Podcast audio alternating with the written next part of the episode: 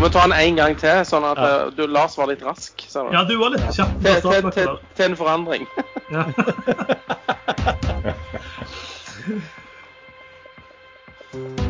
Men kanskje vi skulle tatt dette litt senere? Du snakker for mye, Erlend. Vi begynner på nytt igjen, tror jeg. Vi må, faen lage, vi må snart lage manus. Bare si det. Hvem er du, Lars? Å ja, OK. ok. Kjør på nytt igjen nå. Ta på nytt igjen. Å, fy faen. Men Kan vi ikke kjøre alt dette her som innledning? Nei, vi, vi, vi, vi kjører det på slutten som den der med det outro. blir, det her blir så bra på live videokonferanse, altså. Ja. Ja, men da, da er det greit. OK. Hysj. Har du satt på opptak, forresten? Ja. Velkommen til Aksjesladder. Mitt navn er Erlend Arnei, og kjent som Gameren. Og i dag har jeg med meg Happy corny ja. Velkommen til Aksjesladder. Hele gjengen er samla. Dette var forsøk nummer fem. Gled dere til episoden take til jul. hvor Vi skal gå gjennom eh, alle forsøkene som ikke funka. Lars, skal vi bare ta disclaimeren så vi kommer i gang med en gang? Ja, nå ble jeg så satt, nå ble jeg så satt ut der hvor fanken er programmet vi skal snakke om? For det, jeg, husker, jeg, husker, jeg husker ikke den disclaimeren hvis jeg ikke har, har Ok, programmet for Jeg kan ta disclaimeren òg. Skal vi prøve en, en, en sjette gang? Vi holdt på i syv minutter og prøve å spille en intro. Det er så bra. Velkommen til Aksjesladder. Mitt navn er Erlend Arnøy, og kjent som Gameren. Og i dag så har jeg med meg seriøs cornerstone-investor Sven Egil Larsen. Og Jalla-kongen Erlend Henriksen. Lars Brannigen, Reideren. Veldig bra, gutter. Jeg er hyggelig, hyggelig å møte dere igjen. Veldig gøy vi klarte å spille en intro etter ti forsøk. Til dere som lytter på, gled dere til blooper-episoden, for her er det mye spennende. Skal vi ta den berømte disclaimeren, Lars, før vi gjør noe mer? Eh, vi prøvde jo den på de forrige fem opptakene, og da sa jeg vel også at jeg hadde ikke den foran meg. Og da var jeg helt bortreist, så den har fortsatt ikke foran meg. Ok, men da skal jeg ta den. Vi gir ingen råd. Dersom du hører på hva vi sier om markedet, aksjer, enkeltaksjer og livet for øvrig, er ansvaret helt og holdent eget. Programmet spilles inn live, og feil kan forekomme. Panelet og panelets gjester kan være lang, kort, direkte eller indirekte eksponert i aksjer, selskap og produkter som omtales i programmet. Kan jeg spørre deg en ting nå? Ja. Du leste dette veldig fort. Var du litt irritert over at vi tre andre hadde klart å kåle til introduksjonen sånn ca. sju ganger med krampelatter?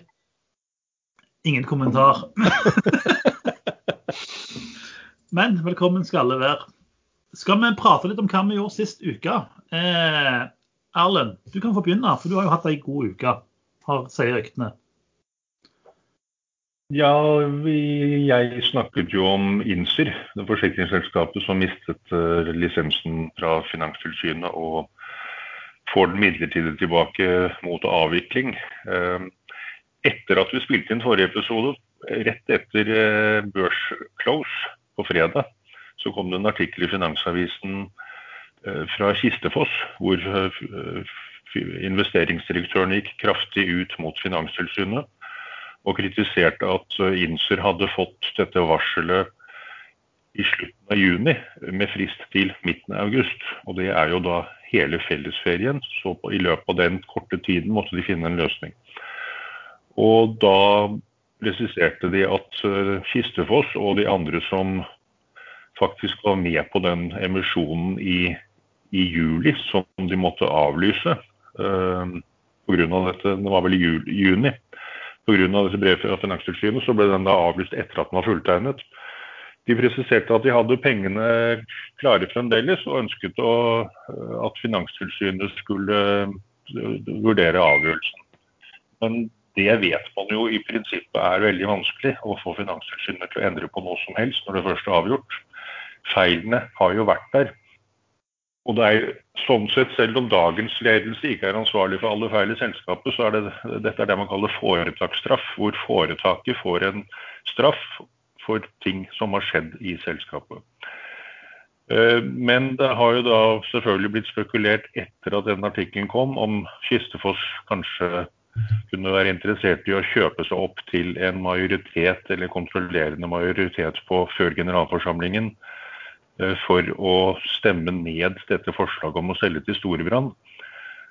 Og det medførte at kursen begynte å krabbe oppover i begynnelsen av uka. Eh, og fortsatte kraftig, og toppet ut i dag på over to kroner.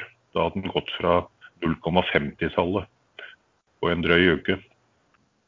Jeg sikret uh, såpass mange aksjer at jeg hadde freeride på resten, på 1,90. Og da den krabbet over to, så kom det plutselig en, det man kaller en dump. Uh, da gikk kursen helt ned til under 1,50, og så gikk den litt opp og ned i bølgedaler etterpå.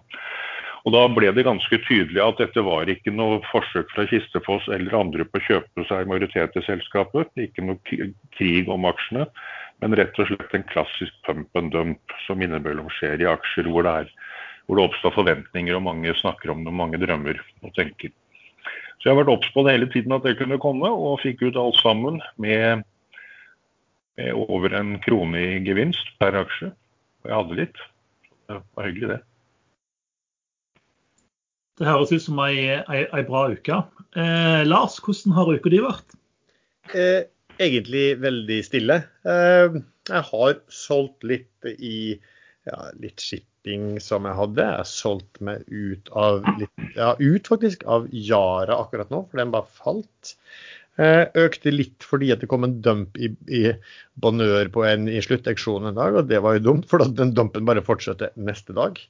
Eh, men det er litt slik som jeg har sagt det tid, at jeg vil ha eh, Selv om det er euforiske tilstander, og spesielt syns jeg i eh, small cap, så syns jeg at det virker som et ganske annet sentiment når det gjelder de store, tyngre selskapene, og da kanskje hos de tyngre investorene. Og så er jeg tiltagende engstelig for eh, hva som skal skje under eh, presidentvalget i USA. Så jeg har lyst til å sitte med ganske mye cash, da. Og kanskje bare cash til og med også. Cornerstone investor eh, Sven Egil, har du hatt en fin uke? Ja, greit nok. Mest spennende jeg eh, har gjort, er vel å, å kjøpe en hybrid-note i SAS og sittet og regna med grønn og blå på opsjonsprisingen på puts og calls i samme selskap. Jeg brukte faktisk en hel dag på, og fikk svar fra Nasdaq om at formelen var riktig og sånne ting. fordi at SAS de skal jo eh, gå X nå på, på tirsdag. Og, og, da justeres opsjonsprisene og streikene tilsvarende. Eh, eller ganske komplisert formel for å finne riktige riktige tall. I tillegg så, så har jeg jo trada litt i denne AEG-en, da. Eh, som dere sikkert husker, så, så, hadde jo jeg det som ukas eh, obs, holdt jeg på å si. Eh, og, og, og, den gikk jo rett opp på mandag. Uh, uh, som jeg sa forrige uke, så, så var nettcash 1,46 og bokført verdi ca. 1,70. Så drar jo aksjen på rett opp i to. Og, og, da, eh, og, det har ikke kjent noe fundamentalt siden jeg snakket om den på fredag, for å si det sånn. Eh, sånn at da solgte jo jeg ca. halvparten av de aksjene på eh, mellom 2 og 1,90. Og satt videre med resten. Og har nå i dag begynt å kjøpe de tilbake igjen. For jeg syns når aksjen bare plutselig tar av helt uten noe sånn særlig grunn, så eh, da, da, er det, da er det litt mye luft. Da kan vel du presisere det, Sven, at hvis noen er så dumme at de ja, altså, Hvis folk hører på et Jeg vil ikke kalle det et tips engang. Det var eh, Jeg hadde kjøpt aksjer der, jeg sa jeg hadde kjøpt aksjer, eh, og jeg sa hva jeg mente verdiene i hvert fall var. Og det er liksom eh, Hvis ikke selskapet gjør noen ting, så er det verdt 1,70. Eh, men eh, case er jo at de faktisk skal gjøre noe med at de har et selskap som er grønt, og, og gjerne spinner på det og gjerne henter penger og kjøper seg opp i noe eller et eller annet sånn. Og da vil aksjekursen være mer verdt. Men akkurat det skjedde jo egentlig ingenting, og folk er jo galne og kjører den rett opp i to. Det, det syns jeg er en dårlig investeringsstrategi. Og, og, og, da kan folk risikere å få aksjer i hodet, altså. Det må være fair. Forresten, det må jeg nevne.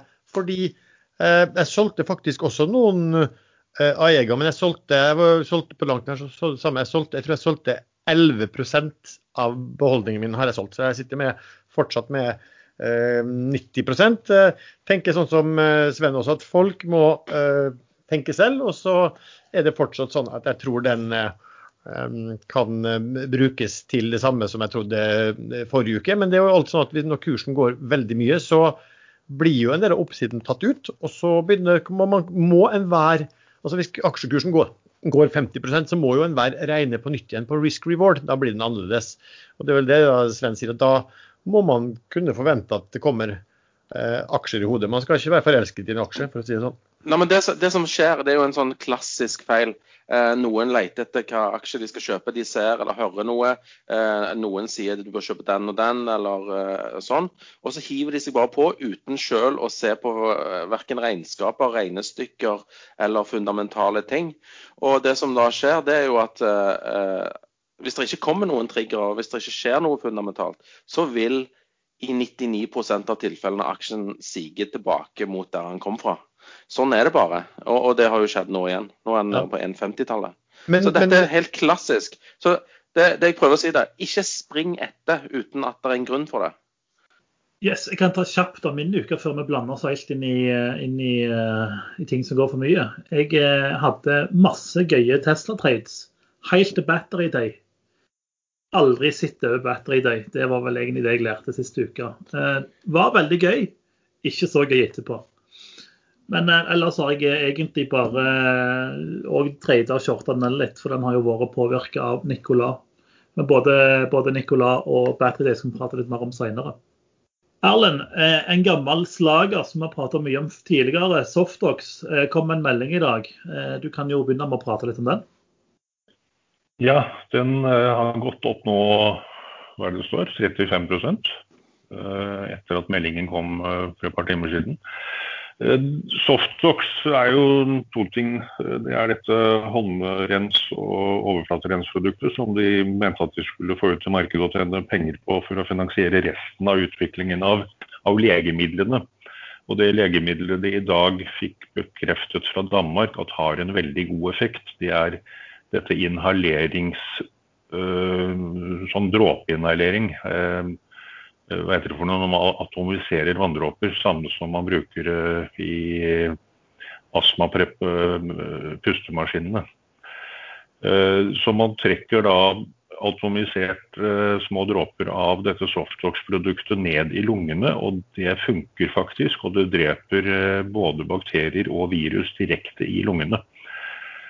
Og det kan åpne opp for helt ville veier i behandling av alle mulige lungebetennelser i hele verden. Ehm, så potensialet er enormt. Ehm, men kursmessig så skal man være litt forsiktig.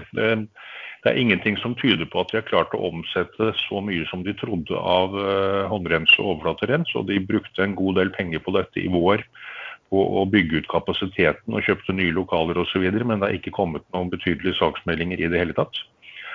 Eh, bortsett fra 5 millioner kroner i salg i kvartal to. Og det er ingenting i forhold til det markedet trodde.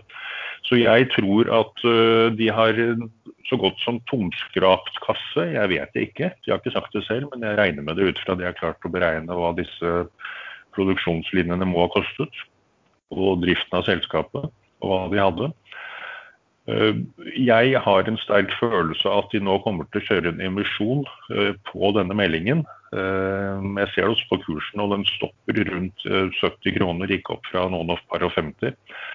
Eh, så markedet er nok engstelig for å få en emisjon i hodet nå. Selv tror jeg ikke man skal være så veldig engstelig hvis den emisjonen kommer. For framtidsutsiktene for Softox de tror jeg er mildt sagt bra.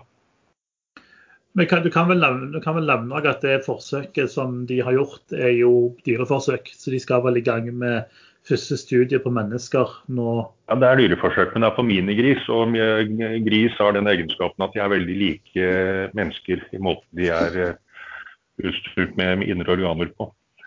Jo, jo, Så, men, det, men, det, er jo greit ja. å vite at det er langt fra fase, fase 1 til, til ferdig produkt. Tror du det hjelper på gamle griser òg? ja, det håper jeg da inderlig. Ellers går det ille med oss alle. Hei, hei. Noen av oss har ikke bare satt 40 ennå, så eh, hva, hva, hva, kategori gris eh, tilhører du da, eh, Arne? Jeg må være sånn minigris, jeg. ja, det var, det de brukte i forsøket. Minigriser. Ja. I Danmark. Ja.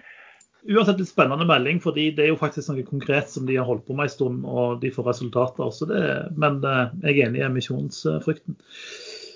De nevner jo selvfølgelig covid direkte i, i børsmeldingen, eh, men om de klarer å få dette produktet ferdig medisin og ut i markedet mens korona covid fremdeles herjer, det vet man jo ikke. det hvis man klarer å få kontroll på korona i løpet av et års tid, så, så, må man se på resten av alle lungesykdommene som finnes i verden. Eh, og neste pandemi. Men, man kan jo Uansett, det er et gjennombrudd. Men man kan jo stille spørsmål om hvorfor de nevner covid så mye i meldingen, om det faktisk er for å få opp kursen for å kjøre en emisjon? De skriver Nei, ja, det er ikke sant. Men de skriver også at de håper på en fast track-løsning. Um, og det, det finnes muligheter med fast track-løsninger hvor man veldig tidlig faktisk går ganske bredt ut og bruker det på mennesker hvis sikkerheten er god nok, hvis det ikke er noen bieffekter. Mm. Men vanligvis så tar, tar sånne undersøkelser minimum halvannet år, ofte, også ofte to-tre-fire år. Jeg satt og leste faktisk på den Softox-meldingen nå, og så hopper jeg litt til fordi at eh, professor i bakteriologi som har vært av primary investigator, sier at denne teknologien er unik, den er enkel og usedvanlig effektiv. Jeg er overbevist om at vi står overfor et gjennombrudd i behandlingen av vanskelige infeksjoner. Det så jo helt vanvittig bra ut, da, men så så det stå en liten sånn prikk under der da, at han som har sagt dette, her er jo da medlem i selskapets Scientific Advisory Board og har i perioder oppdrag som konsulent for Softox. Så eh, ja, altså Men det ser jo veldig lovende ut. da, ble bare litt, altså det, det som, Selve beskrivelsen som, som jeg med en gang hoppa til, så syns den så veldig veldig bra jo, ble jo litt ikke så pålitelig da, når man kommer fra noen som faktisk får penger fra selskapet. Dagens sponsor som vanlig IG.com. IG er en stor internasjonal nettmegler som er notert på børsen i London og har kontorer bl.a. i Stockholm. Og på IG, Lars, det gir jo en del fordeler. Hos eh, IG så kan du dra nytte av lave spredder og marginer. Det er utvidet åpningstid på amerikanske aksjer, og man kan drive helgetrading. Det er altså utallige muligheter til å trade eh, via IG på hele 17 000 markeder.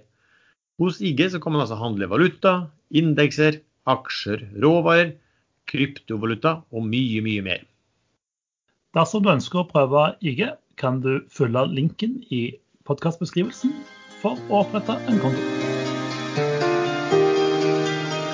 Det er bra, det. Ja. Sven, det er flere som har eh, spurt om eh, denne HCCH som eh, vi har snakket om tidligere. Og Der er det jo en ganske viktig event som de som har i aksjer bør få med seg. Ja, eh, det er Folk må stemme for å ut eh, Hva det heter for noe? Forlenge fristen for eh, business-sammenslåingen med Fusion Fuel Green i, Portugal. Så folk har fått tilsendt materialer, altså papirer for, for å stemme for å forlenge til 2.1.2021.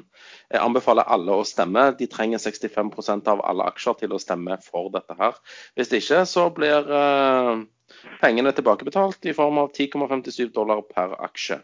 Men da går jo fusjonen fløyten.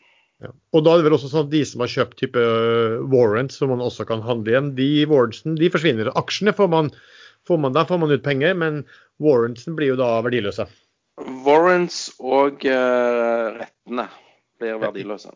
Ja, de blir verdiløse. Men her er det også viktig å påpeke at altså, vanlig i Norge, da, når noe trenges to tredels flertall, så er det to tredels flertall av de som kommer, altså som stemmer på generalforsamlingen.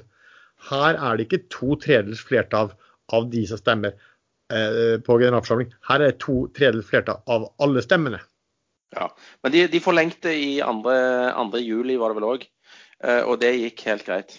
Så eh, jeg, jeg satser på at det går greit denne gangen òg. Forskjellen nå er vel at det er kommet en del mer norske og, og, skandinaviske investorer enn det var da i juli. Skal vi prate litt om grønne eventyr? For Vi har jo fått en del spørsmål som går på dette med ESG. Altså Er det på en måte mer enn en eh, hype, eller, det, eller blir det liksom opp som en rakett og ned som et eller annet annet?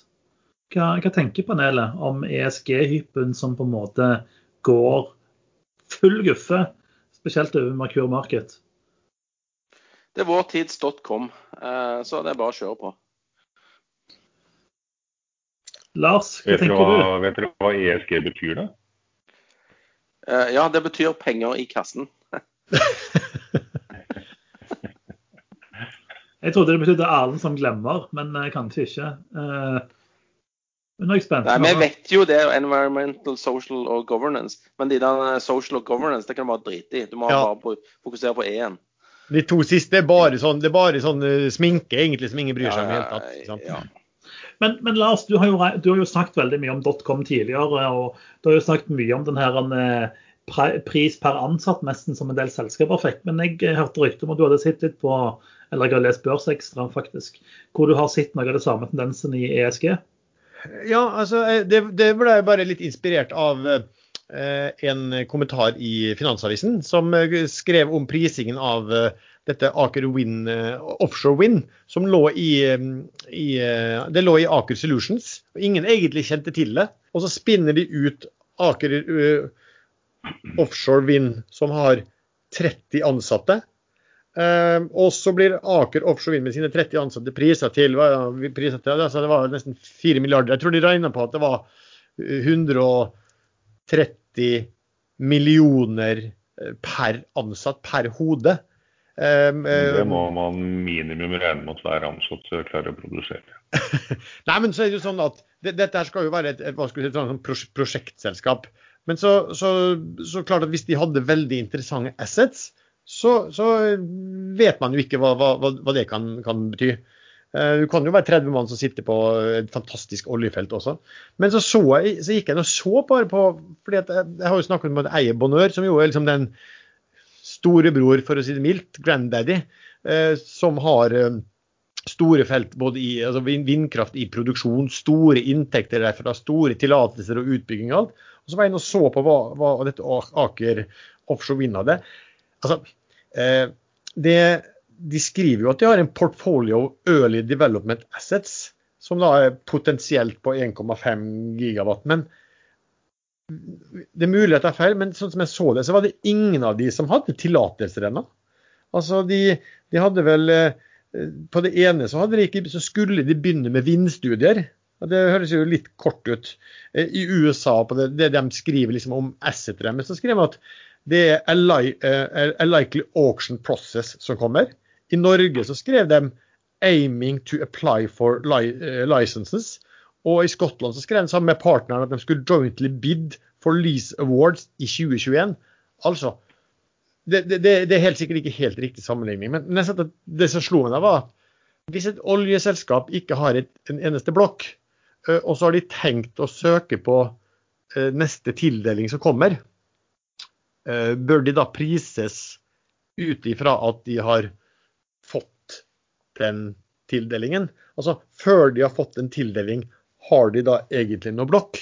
Nå er det ikke sånn at det, kunne se at Aker på noen, noen som helst måte har forsøkt å, um, å, å antyde noe annet enn en, enn hvor de var. Altså de, de holder på tidlig i prosessen. De må gjøre konseptstudier, miljøstudier, regulatorisk og, og, og skattemessig er ikke på klart. De har ikke gjort vindstudier ennå. De har ikke fått avtale med myndigheter ennå. Altså kommet, eh, kommet veldig, veldig kort, rett og slett. Nå er kursen 5,70, emisjonskursen var 1,47. Eh, ja, den var vel noe sånt, og da fikk de henta inn mye. Men så er det, så, må bare, så er det klart at det kan være at det her er et kjempepotensial. De har flinke folk, de skal støtte seg på resten av eh, Aker-system og sånn også. Men det var mer sånn når du går inn og ser på balansen hva de i dag har, eh, så er det sikkert kanskje noen lisenser som, som kan bli noe verdt hvis de får de. Eh, men de ser jo ikke ut som de har de ennå, da. De har vel heller ikke erfaring med vindkraft inhouse ennå?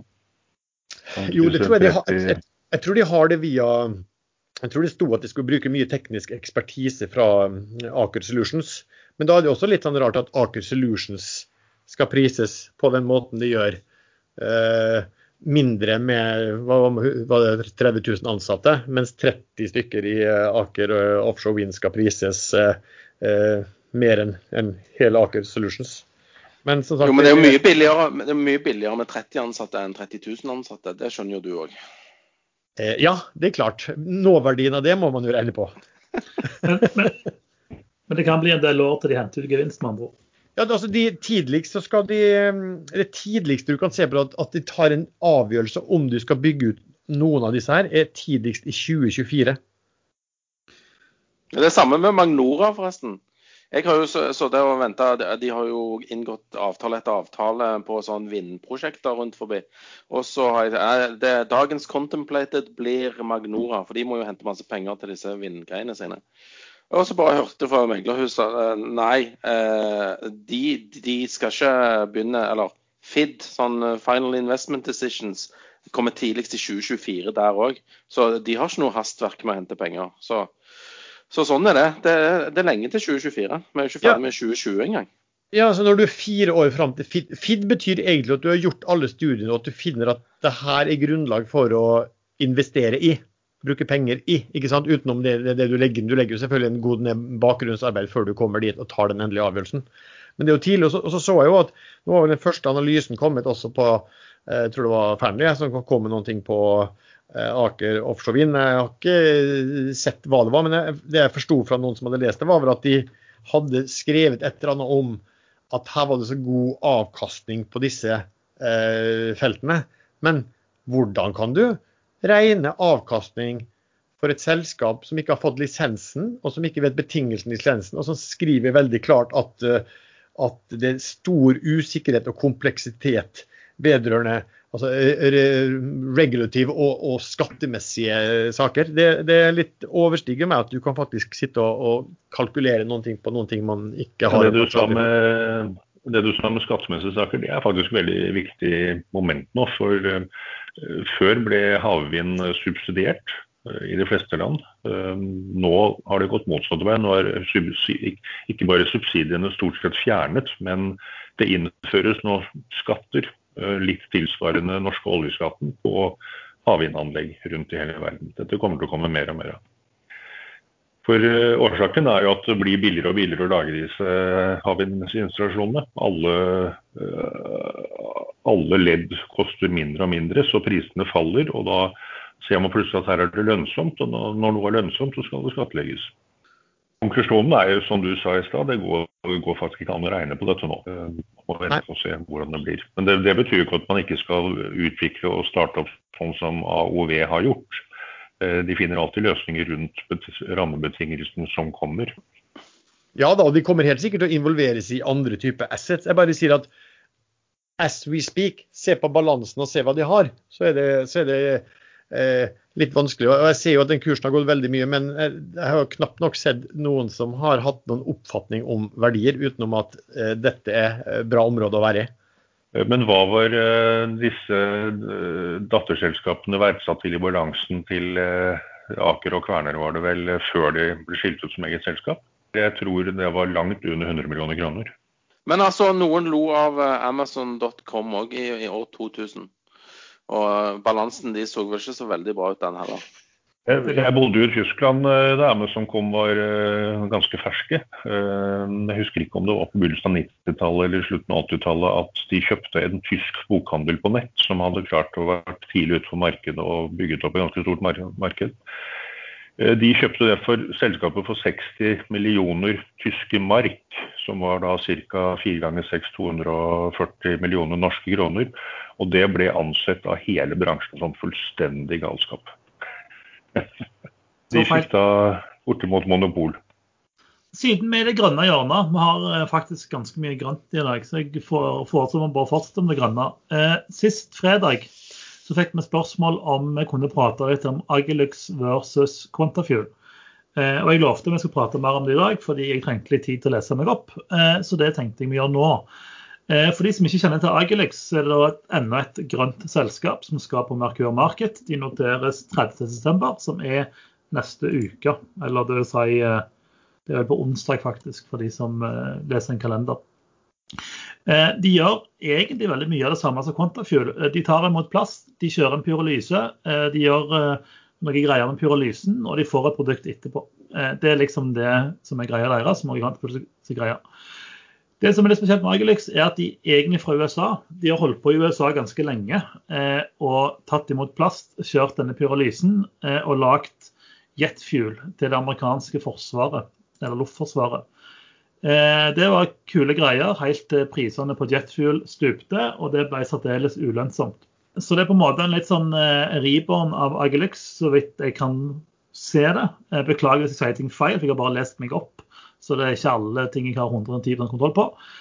Og de skal noteres. De har fått med seg eh, Richard Branson, som da er kjent fra Virgin. Eh, som på en måte må kunne sies å være et ganske hot navn. Eh, og på meg så virker det som de i hovedsak nå lisensierer ut teknologien sin.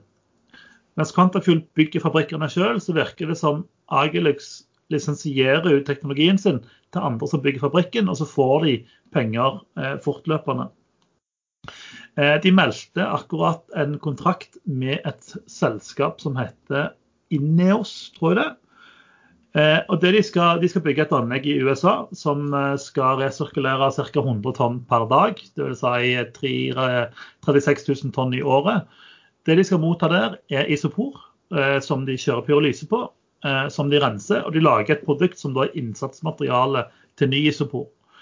Eh, grunnen til at dette er litt unikt, er at når man resirkulerer plast, så kan man ikke bruke det resirkulerte produktet til mat eh, i dag. Mens når man kjører en kjemisk resirkulering, som da både Konta og eh, Agilex gjør, så kan man bruke sluttproduktet til mat, altså matbeholder. Eh, selskapet hadde da en IPO på 1796, eller 13 kroner, for de har da kjørt en splitt, eller det blir en splitt for de går på børs.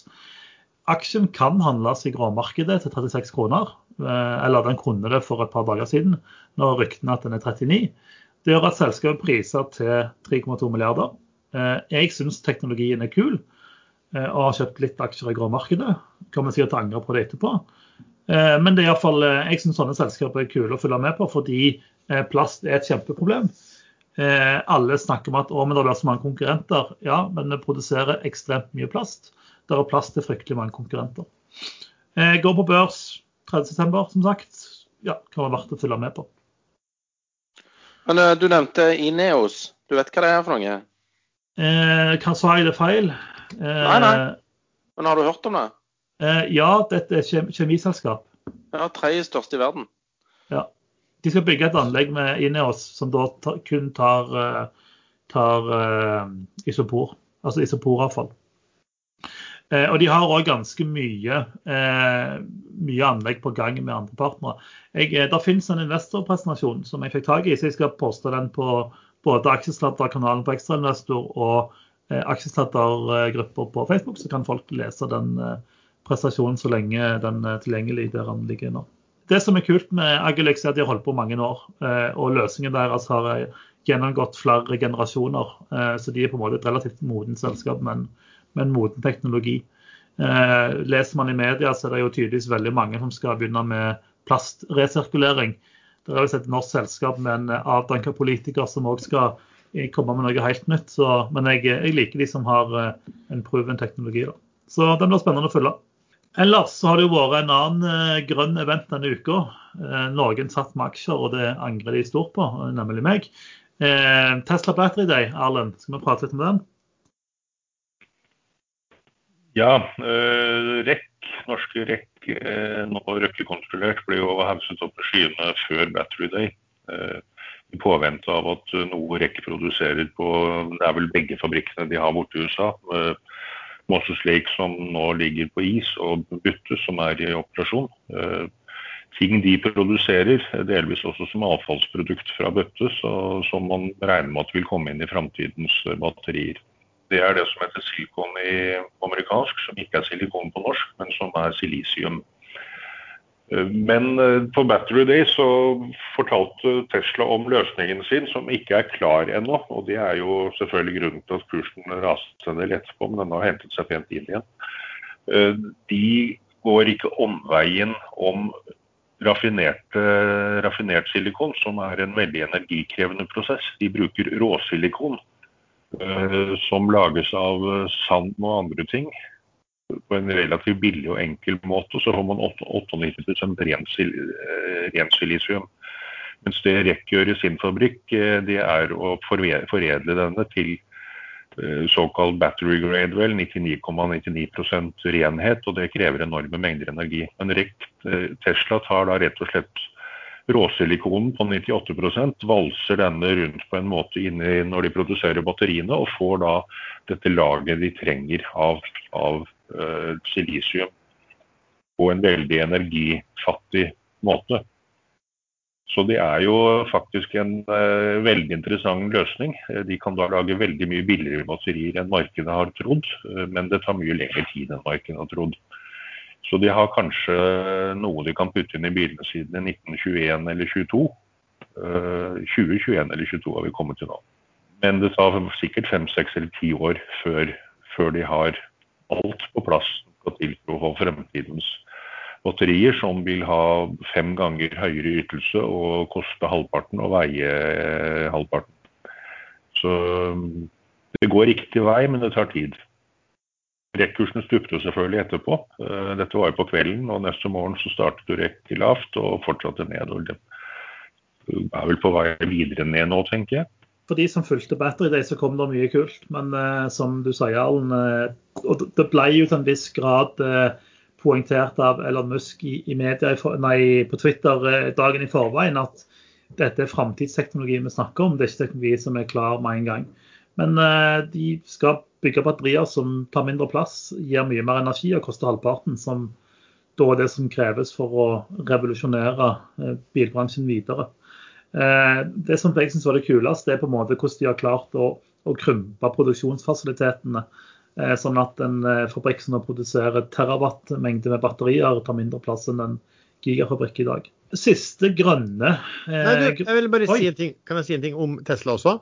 Ja, det kan du, Lars veldig kul. Det var jo um, generalforsamling også, samtidig som de hadde dette her. Og det var jo veldig kult. Og for de eh, som har hatt barn mens de her filmene biler, cars, var populære, så så det jo ut som det der eh, Musk sto, på, sto framme på podiet.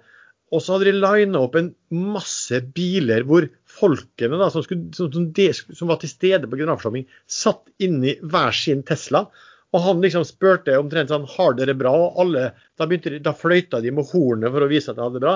Det så ut som en, det så ut som, ja, en scene fra Cars. Jeg, jeg vet ikke, jeg, når, når, jeg så det første gangen, holdt jeg på daua. Det var litt harry, men det var, altså, de, eh, for de som aksjonærer så kunne man eh, søke eller delta i en loddtrekning for å få lov å være fysisk der. Og alle satt da i kvarsen modell 3. Uh, uvisst om det er fordi alle eide modell 3 når vi fikk en utlevert, men jeg òg syns det var ganske morsomt. Det var modell Y. Var det det? Den nye Y-en, ja. Oh, ja. Jeg trodde det var jeg trodde òg det, det, var en 3, men uh, hvis du ser nøyere på den, så ser du at det er Y-en. Så det var den de skulle vise fram, så alle som har kommet der, har fått uh, Vær så god, her kan du kjøre og parkere der borte. Ellers har de stilt deg opp på forhånd og bare gå og sette deg inn i en sånn. Ja. De som har litt sånn dårlig humor, vi satt jo og håpet på at noen skulle klare å hacke disse bilene, så de begynte å kjøre over hverandre og under hverandre på den parkeringsplassen midt under presentasjonen.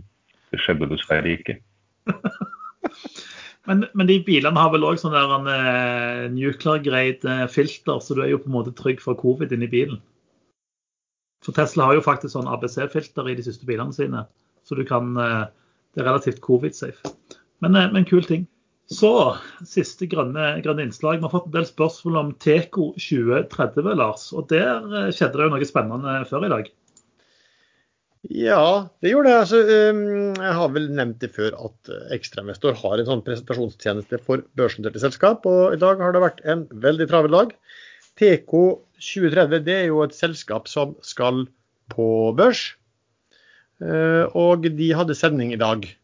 Så de har vel, jeg tror den, den skal stenge da, den 29.9., den eh, emisjonen der. Det er jo en kunde, da, så da skal jeg ikke si noe mer om dem. Ellers så hadde vi faktisk også eh, Petronor, eh, oljeselskapet, som hadde presentasjon i dag eh, klokken tolv. Og begge de to presentasjonene kan man finne på, på Børsforumgruppen på Facebook eller Ekstrainvestors kanal på YouTube. Og på tirsdag så kommer eh, Noreco. Så de som eh, har spørsmål rundt Teco, kan se presentasjonen i dag, for der kom det veldig mye god informasjon. Men Teco 2030, hva driver de på med, og, og hvorfor heter de 2030? Er det kursen som skal, bør ligge der, ca. 2030? De skal lage en sånn eh, hydrogen... Skal, skal lage, har, ikke, har de ikke lagd? Nei, de holder på å lage en, en sånn uh, fuel cell for uh, hydrogen. Altså en uh, brenselcelle for hydrogen som skal brukes på skip og maritim industri. Jeg vet ikke om du husker Teco var, har jo vært det, de har vel Morsselskapet som inntil det her var det, er vel stor innenfor hva skulle du si, skipsservice og, og maritim. TE Co. Det er Tore Enger Company. Ja. Og 2030, det lurer jeg på kan, om det ikke kan være noen, noen nye regler som tidspunktet for nye regler som innføres på Stemmer det i hva heter det for noe, IMO 2030? Ja, på skip. IMO, ikke sant? IMO 2030, ja. Ja. Hadde vi ikke en IMO 2020 òg?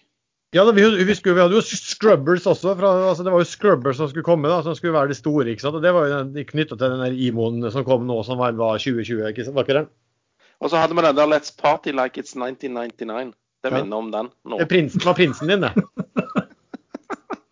Det som vel fremdeles er problemet i IMO 2030, er at eh, reglene som vil bli implementert da ennå ikke er klare. Så det er veldig få som nå tør å bygge skip i verden, fordi man vet ikke hva man skal satse på.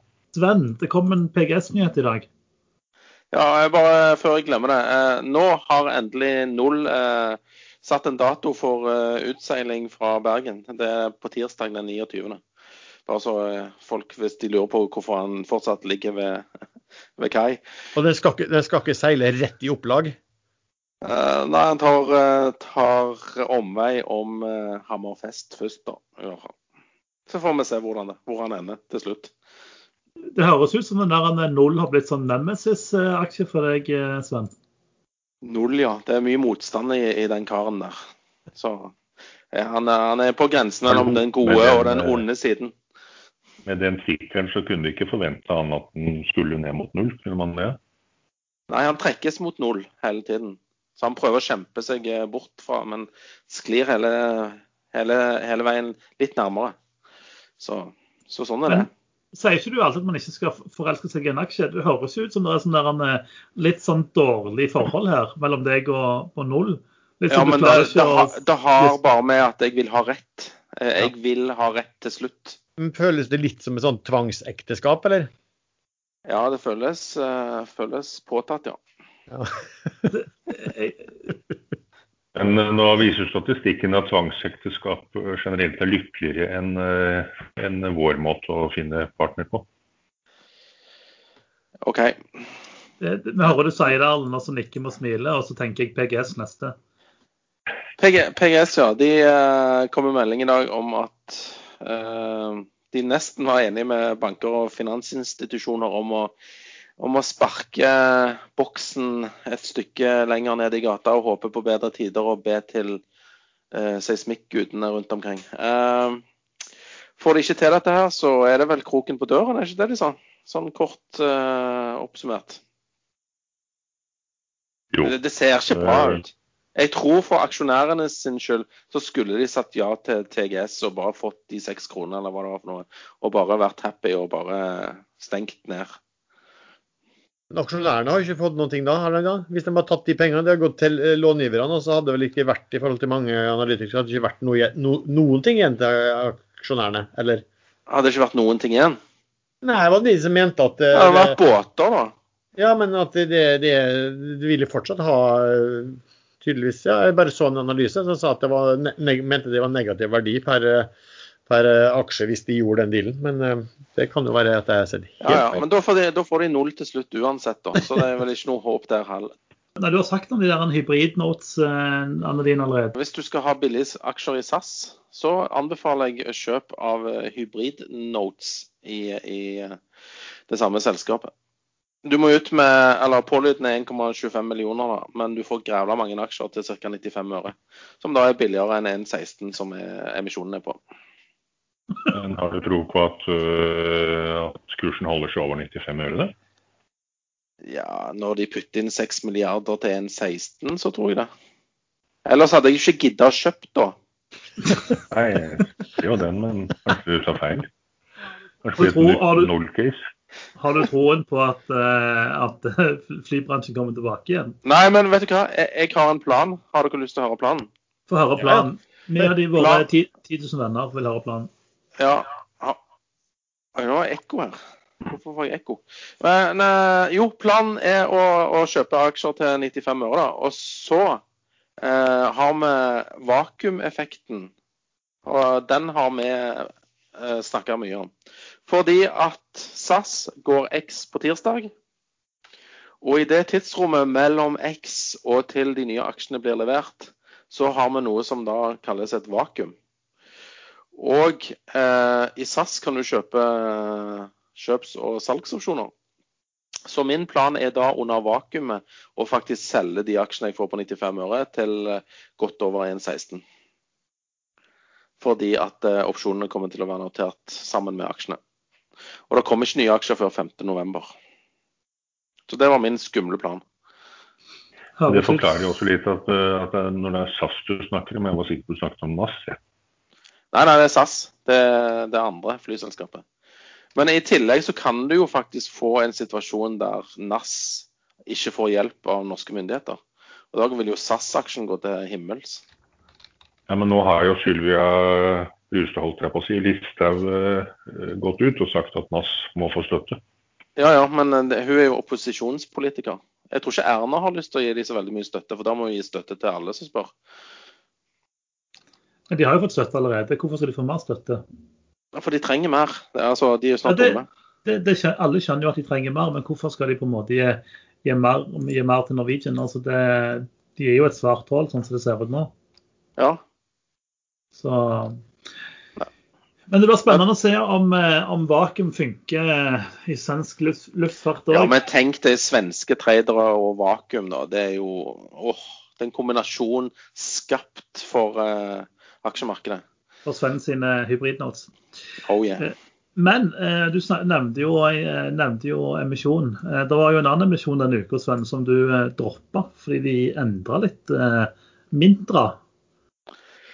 Ja, jeg skal ikke snakke så veldig mye skit om den der, men uh, jeg hadde tegna i Mintra, og det var enorm eh, etterspørsel etter aksjer der, som det har vært i de fleste IPO-ene. Jeg takket òg nei til Play Magnus. Der, der har du en app til 800 millioner. Jeg følte det var litt dyrt. Men tilbake til Mintra. eh, Plutselig så kom det en melding at uh, pga. enorm interesse så øker vi annenhåndssalget fra disse eksisterende investorene fra mellom 50 til 100 millioner til 400 millioner.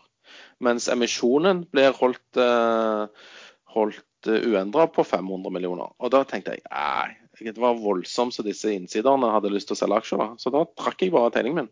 Jeg tror allikevel den eh, IPO-en går helt fint og går sikkert til himmels og alt dette her. men jeg følte det var litt feil signal å, å sende. da. Så jeg og flere av mine kolleger har takket høflig nei da, til å være med på, på plasseringen. Det er jo også et moment til at når de henter inn så mye penger, så vil jo de som ellers ville kjøpt etter emisjonen, øh, ikke være der lenger. De har jo allerede aksjer. Så det vil være altfor mange som har fått de aksjene. Det blir spennende å se hvordan den utvikler seg. Eh, Skal du tolke ut fra hvordan andre har gått, så går, går nok den òg til himmels. altså. Alt, alt går til himmels om dagen. Eh, Ikke, da, ikke null.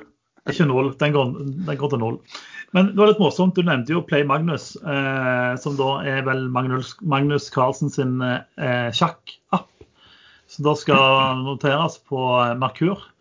Eh, jeg, eh, jeg, eh, siden jeg ikke er kunde hos de som har den noteringen, så kan jeg snakke dritt om den. Når, jeg, når jeg leste prospekt og så på tall, så tenkte jeg lol. Og så snakket jeg dritt om den i en time. Og så så jeg jo at Tinn Fond, som da er mitt favorittfond, de er da cornerstone-investor i den. Og dermed så ble jeg litt, litt molefonken, for da kan jeg ikke snakke dritt om den lenger. Men altså, tingen er, de tjener ikke penger. De lager en sjakk-app som de skal tjene penger på, eller noen sånne ting. Eh, de priste til 800 millioner. Og de som har peiling på sjakk, sier at det er masse gratisalternativer som er vel så bra.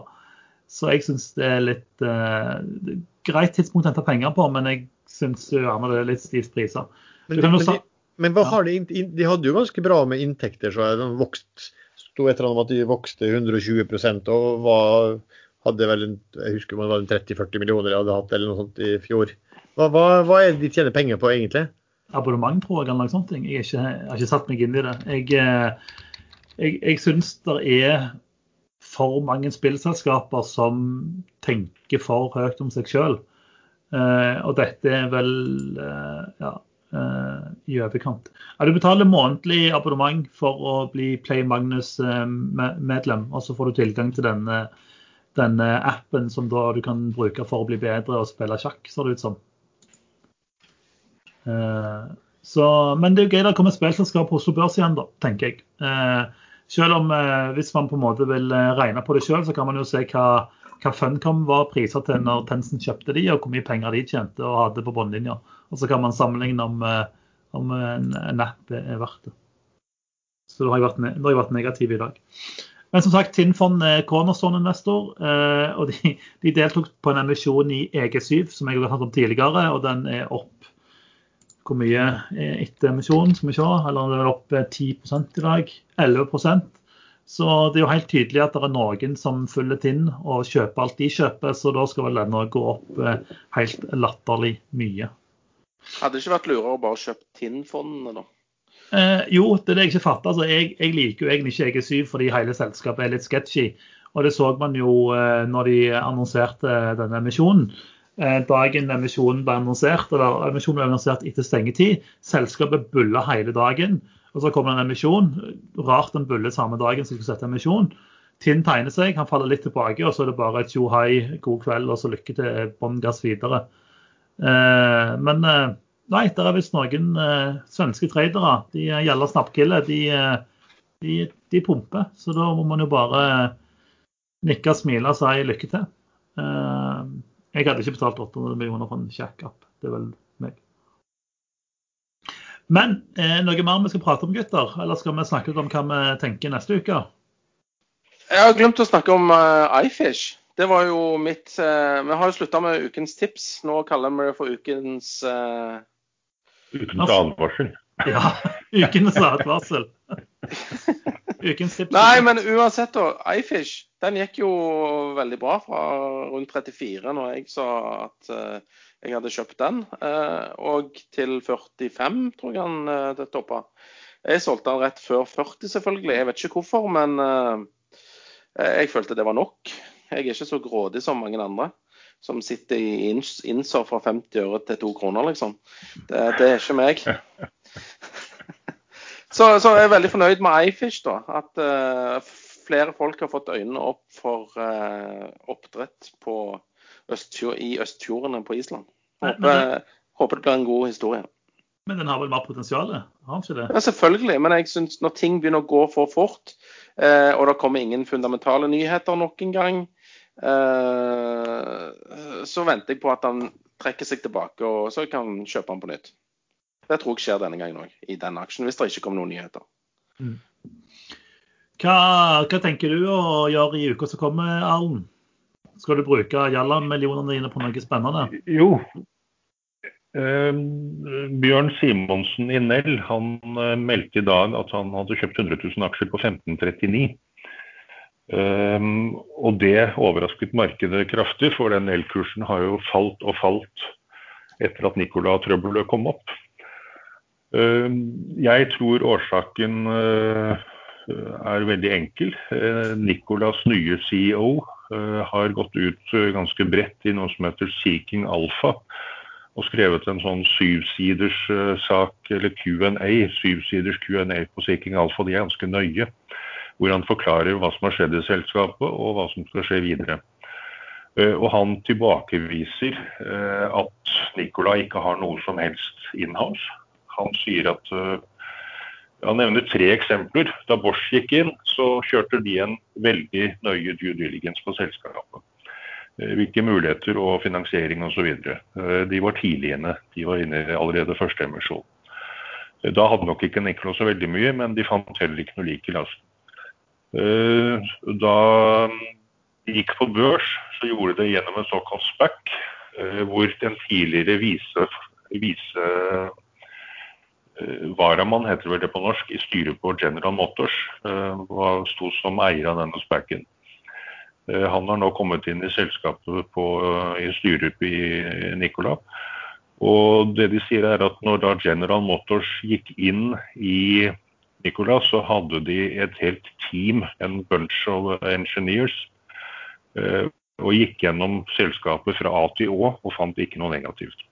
Eh, de har helt sikkert funnet historier om Trevor Milton, for han har vært eh, kjent i investormiljøet i USA lenge som en som lover mye og holder lite. Men det viser også til i 2019 så kom noe som heter CNHI. Det har jeg egentlig ikke hørt om før, faktisk, men de kom inn i emisjonen og en av Nicolas' største investorer. Og de brukte McKinsey for å sjekke på forretningsmuligheter. De brukte Goldman Sachs for å se på verdien av selskapet. Eh, de brukte Deloitte, Deloitte eh, for å sjekke regnskapene grundig. Og Sullivan og Cromwell for å lage en legal review. Så det stemmer ikke at Nicola ikke har vært sjekket grundig i due diligence i flere omganger av disse partnerne som har gått inn med både penger og merkenavnet sitt. Uh, sammen med Iveco så har Nicola uh, levert inn patenter på løsninger som de utvikler sammen med Iveco. Og de har en stor fabrikk som er bygget opp borte i USA for å produsere lastebiler på sikt, er det vel. Men det ble også lagt ut en video på Ekstrainvestor i dag som viser eh, denne pickupen i full vigør. Jeg fikk ikke sett hele videoen selv, men akkurat den er helt tydelig noe som kjører for egne, egne hjul.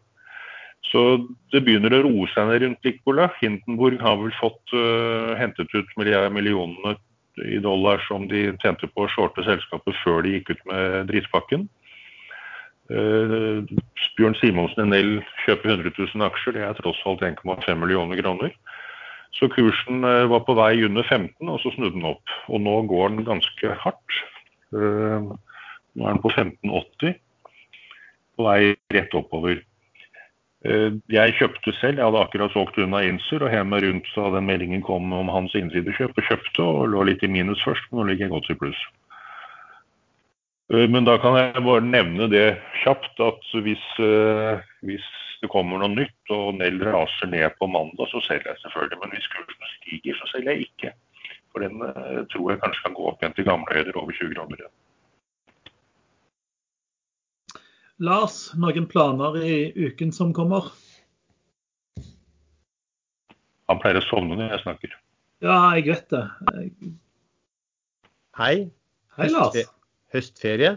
Det er min plan for uken som kommer. Det blir litt travelt, så jeg tror ikke jeg kommer til å gjøre så veldig mye og få fulgt så uh, veldig med godt med, faktisk. Men nå har jeg jo begynt å plassere mer av pengene i cash. og Hvis det ikke er noen sånne spesielle nyheter som jeg får med meg som kommer, så tror jeg jeg kommer til å gjøre ganske lite i uken som kommer. Hvordan plasserer du penger i cash? Han reiser ned til han eh, Nicolai Tangen i Norges Bank og henter en sånn søppelsekk med, med, cash. Ja, Har du ikke sånn safe hjemme med penger inni? Nei, jeg har ingen penger i safen. Du har bare, der, eh, du har bare den, de kodene dine til eh, bitcoinen din, du. Ja, Den ligger ikke i safen. Jeg er jo Nei, den, ligger, den ligger under, under skrivebordsunderlaget ditt. Den. Du reiser på vinterferie, og jeg vet hvor du bor. Du har safe. Vinterferie. Høstferie. Du er, du er feil ferie, Erlend. Men eh, Sven, skal du være med på en roadtrip til, til Notodden? Det er en safe der som står ubevokta i høstferien. Den er full av cash, har jeg hørt. Ja, jeg har hørt det, jeg òg. Cash. Men, eh, cash. Men Sven, hva, hva, er planene dine før vi snakkes helt ut? Eh, jeg har ingen planer, bortsett fra å, å prøve å få, få, kjøpt inn noe SAS-puts. SAS-puts. Ja.